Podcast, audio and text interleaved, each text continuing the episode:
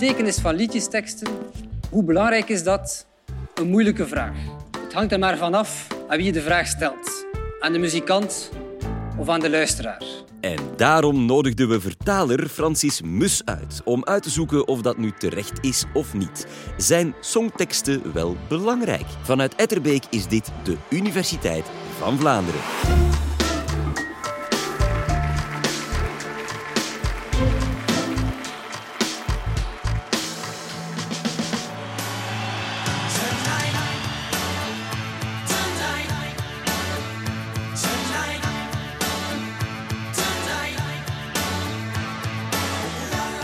Dit is het eerste stuk uit mijn muziekcollectie. Het is een cassette uit 1991 met aan de A-kant twee nummers en aan de B-kant ook twee nummers. En u hebt zo net het eerste nummer gehoord van de B-kant. New Kids on the Block met Tonight. Ik was acht jaar, ik sprak geen woord Engels, maar ik wist waar het nummer over ging. Tonight Night, in het refrein, hoorde ik als Sunlight Light. De verklaring is wel echt eenvoudig. Mijn ouders hadden van die grote stukken Sunlight in huis. En ik maakte spontaan de associatie en dacht dat ik het nummer op die manier had begrepen. Ik denk dat iedereen wel zo'n verhaal heeft van een, een liedje waarvan hij de tekst jarenlang verkeerd heeft begrepen en dan komt op een mooie dag het inzicht dat wat je gehoord hebt eigenlijk fout was en dat die tekst eigenlijk iets helemaal anders betekent. Er bestaat zelfs een woord voor dat opgenomen is in het woordenboek. In het Engels spreekt men van een Monday Green. In het Nederlands heeft men het over een mama appelsap. En dat zou een verwijzing zijn naar een liedje, of een stuk uit een liedje van Michael Jackson, Wanna Be Starting Something. In het Duits spreekt men over een Agathe Bauer. En dat klinkt als een eigen naam, maar is dan een verbastering van I Got the Power.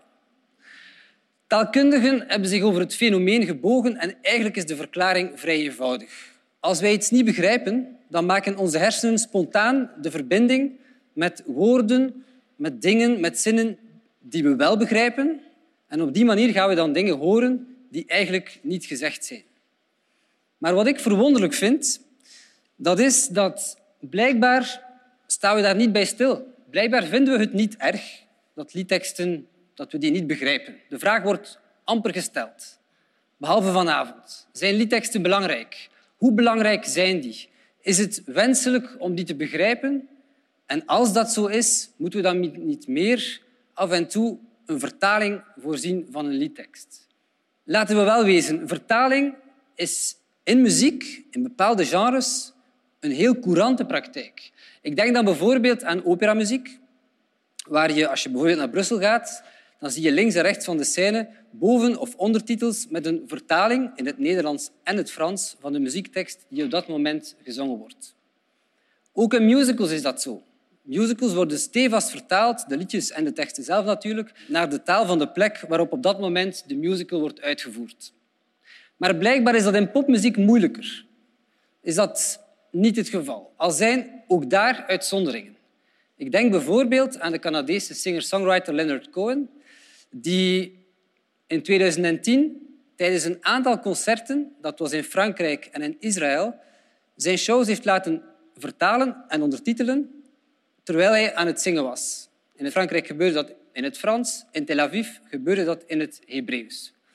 Een ander voorbeeld is Nick Cave, die toen hij in 2021 een optreden gaf in Amsterdam, zijn show begon met de heel expliciete vraag naar het publiek Weten jullie wel wat de titel van mijn laatste album Carnage, Slachtpartij, betekent? Kan iemand uit de zaal dit vertalen? vroeg hij op een heel indringende manier.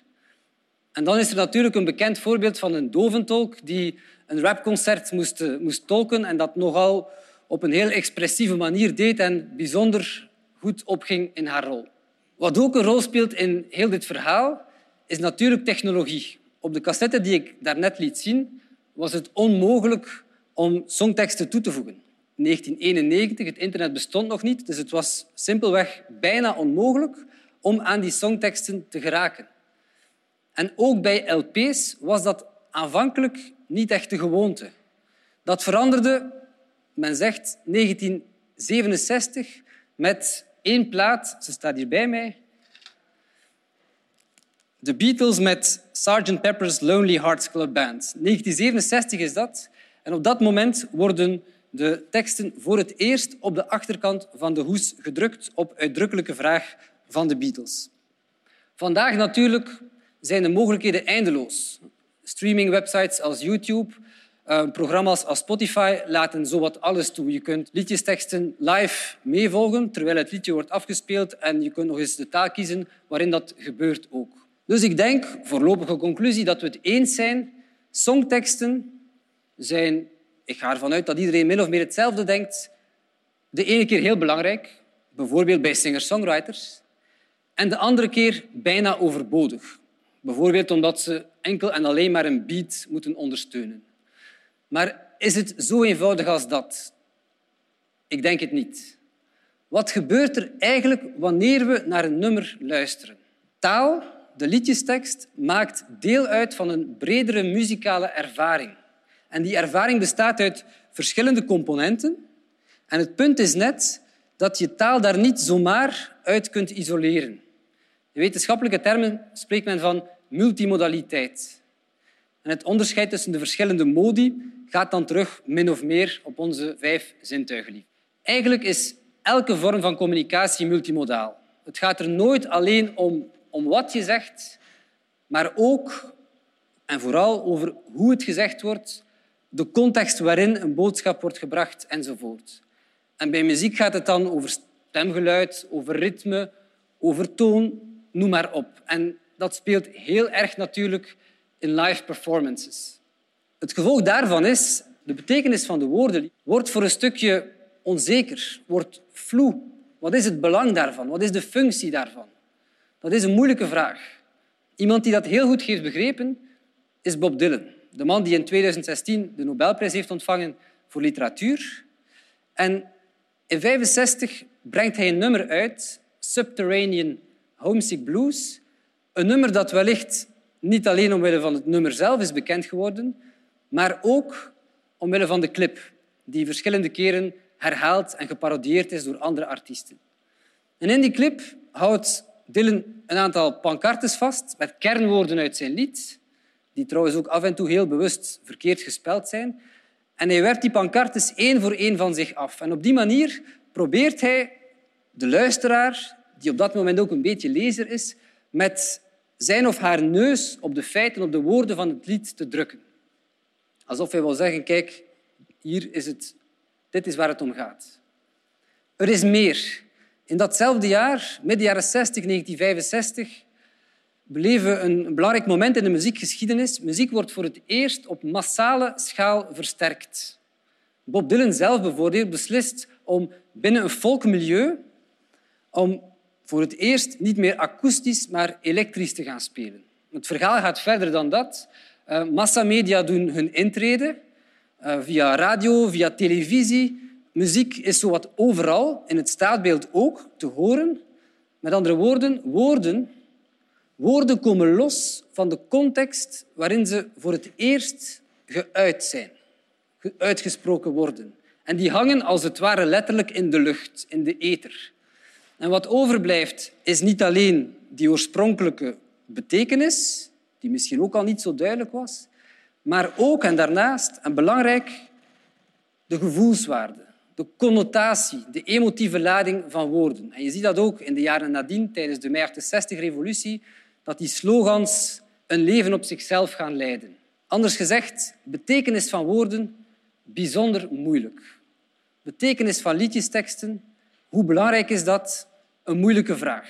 Het hangt er maar vanaf aan wie je de vraag stelt. Aan de muzikant of aan de luisteraar. Als we eventjes kijken wat de muzikanten er zelf van vinden, dan hebben we te maken met een heel breed spectrum. Aan de ene kant heb je de zogenaamde singer-songwriters. Muzikanten die van meet af aan bij het muzikale proces betrokken zijn, zowel bij de muziek als bij het schrijven van de liedjestekst. Voor wie de muziek dus heel belangrijk is. Maar er zijn een aantal van die singer-songwriters die nog een stapje verder gaan en die beslissen om hun liedjesteksten ook in boekvorm uit te brengen. En die al dan niet te herdopen tot poëzie. En op die manier krijgen de teksten een andere status en worden die eventueel op een andere, meer serieuze, meer aandachtigere manier gelezen. Ook rappers doen dit trouwens. Iemand als Jay-Z heeft een aantal jaar geleden het plan opgevat om een gelijkaardig boek uit te brengen met verzamelde liedteksten met de veelzeggende titel Decoded, waarmee heel duidelijk wil maken aan zijn lezers, kijk, dit is waarover het gaat in mijn werk. Aan de hele andere kant van het spectrum hebben we dan weer zangers of muzikanten die niet kunnen of die niet willen begrepen worden. Bijvoorbeeld omdat ze zingen in een onbestaande taal. Een voorbeeld dichter bij huis. Een heel aantal jaar geleden was er een inzending voor het Eurovisie Songfestival van België. De titel van het nummer was O Ulysses. Vraag mij niet wat het betekent, want het hele nummer is opgesteld in een onbestaande taal. Alleen was het wel duidelijk, en je ziet dat goed in de beelden, het was wel duidelijk vanuit de hele performance, de manier waarop de muzikanten op het podium stonden, de kledij die ze droegen, de melodie enzovoort. Het was duidelijk dat het om een vrolijk nummer moest gaan. Een ander bekend voorbeeld is natuurlijk de bekende uitroep supercalifragilisticexpialidocious. Het is mij gelukt om het in één keer te zeggen. Die je van de ene taal naar de andere probleemloos kunt overhevelen. Al moet daar dan wel bij verteld worden dat vertalers echt hun best hebben gedaan. Wanneer het werd omgezet of wanneer het werd vertaald in Duitsland, dan werden de laatste lettergrepen een beetje verduidst. En in Spanje werden ze weer een beetje verspaand. Dus het, het voorbeeld is niet helemaal sluitend, maar u begrijpt wat ik bedoel. Tussen die twee, tussen die twee uitersten is er een middencategorie die ik zelf heel interessant vind, van zangers die op een heel bewuste manier die uh, oorspronkelijke objectieve woordenboekbetekenis, als je wilt, gaan combineren met de emotionele lading van woorden. Bijvoorbeeld door er heel expliciet voor te kiezen om in het dialect te gaan zingen. En in Vlaanderen zijn daar heel veel voorbeelden van. Mira, Wannes van de Velde, um, Willem Vermanderen, het Zesde Metaal, Slons die van ons, noem maar op. De voorbeelden zijn eindeloos. Er zijn ook groepen die ervoor kiezen om in een speciale variant, een archaïsche variant van het Nederlands te zingen. Ik denk bijvoorbeeld aan Ambrosijn of Laïs. Dat zijn heel bewuste keuzes, denk ik. Kortom, ik denk dat het duidelijk is of liedteksten ertoe doen of die belangrijk zijn, dat is een vraag waar je geen antwoord kunt op geven in een tiental minuutjes. Het begint al met de vraag aan wie je de kwestie voorlegt. Aan de zanger zelf of aan de luisteraar. Bruce Springsteen die vatte het heel bondig samen. Die zei over zijn werk Born in the USA dat het zo'n beetje is als een Rorschach-test. Die psychologische test waarbij eh, patiënten worden gevraagd om een blad vol inktvlekken te gaan interpreteren en iedereen ziet of leest erin wat hij of zij wil. En that's fine. Dat is oké, zei eh, Springsteen. Maar het is misschien ook wel zo dat inderdaad het begrijpen van een liedjestekst, het doorgronden, eventueel het vertalen, dat dat de muzikale ervaring wel degelijk kan versterken, verdiepen, verhevigen. Maar ook het omgekeerde is waar. En daar staan we misschien af en toe te weinig bij stil. Namelijk dat het ontleden van die songtekst de muziek en de muzikale magie kan wegnemen. Dat die magie op die manier doorbroken wordt. Dat geldt, denk ik, voor elk muziekstuk, maar dat is zeker zo bij de speciale categorie van openingsdansen. Als je ooit voor de keuze komt te staan, ik zou zeggen, neem de tekst toch op voorhand eventjes door. Want I Will Always Love You, dat gaat eigenlijk over een relatiebreuk. En Saving the Best for Last is een nummer over overspel. Dus best de tekst even doornemen samen met je partner. Alhoewel, misschien is zelfs dat niet nodig. Zolang beide partners hetzelfde hebben gehoord en begrepen, ben ik al lang tevreden. Dankjewel, Francis Mus. En mocht je na dit college nog steeds niet naar de tekst luisteren, dan heb je nog altijd de muziek om van te genieten. In aflevering 444 leer je van Jeroen Doe hoe de perfecte popsong in elkaar zit. Veel luisterplezier en graag tot een volgende keer.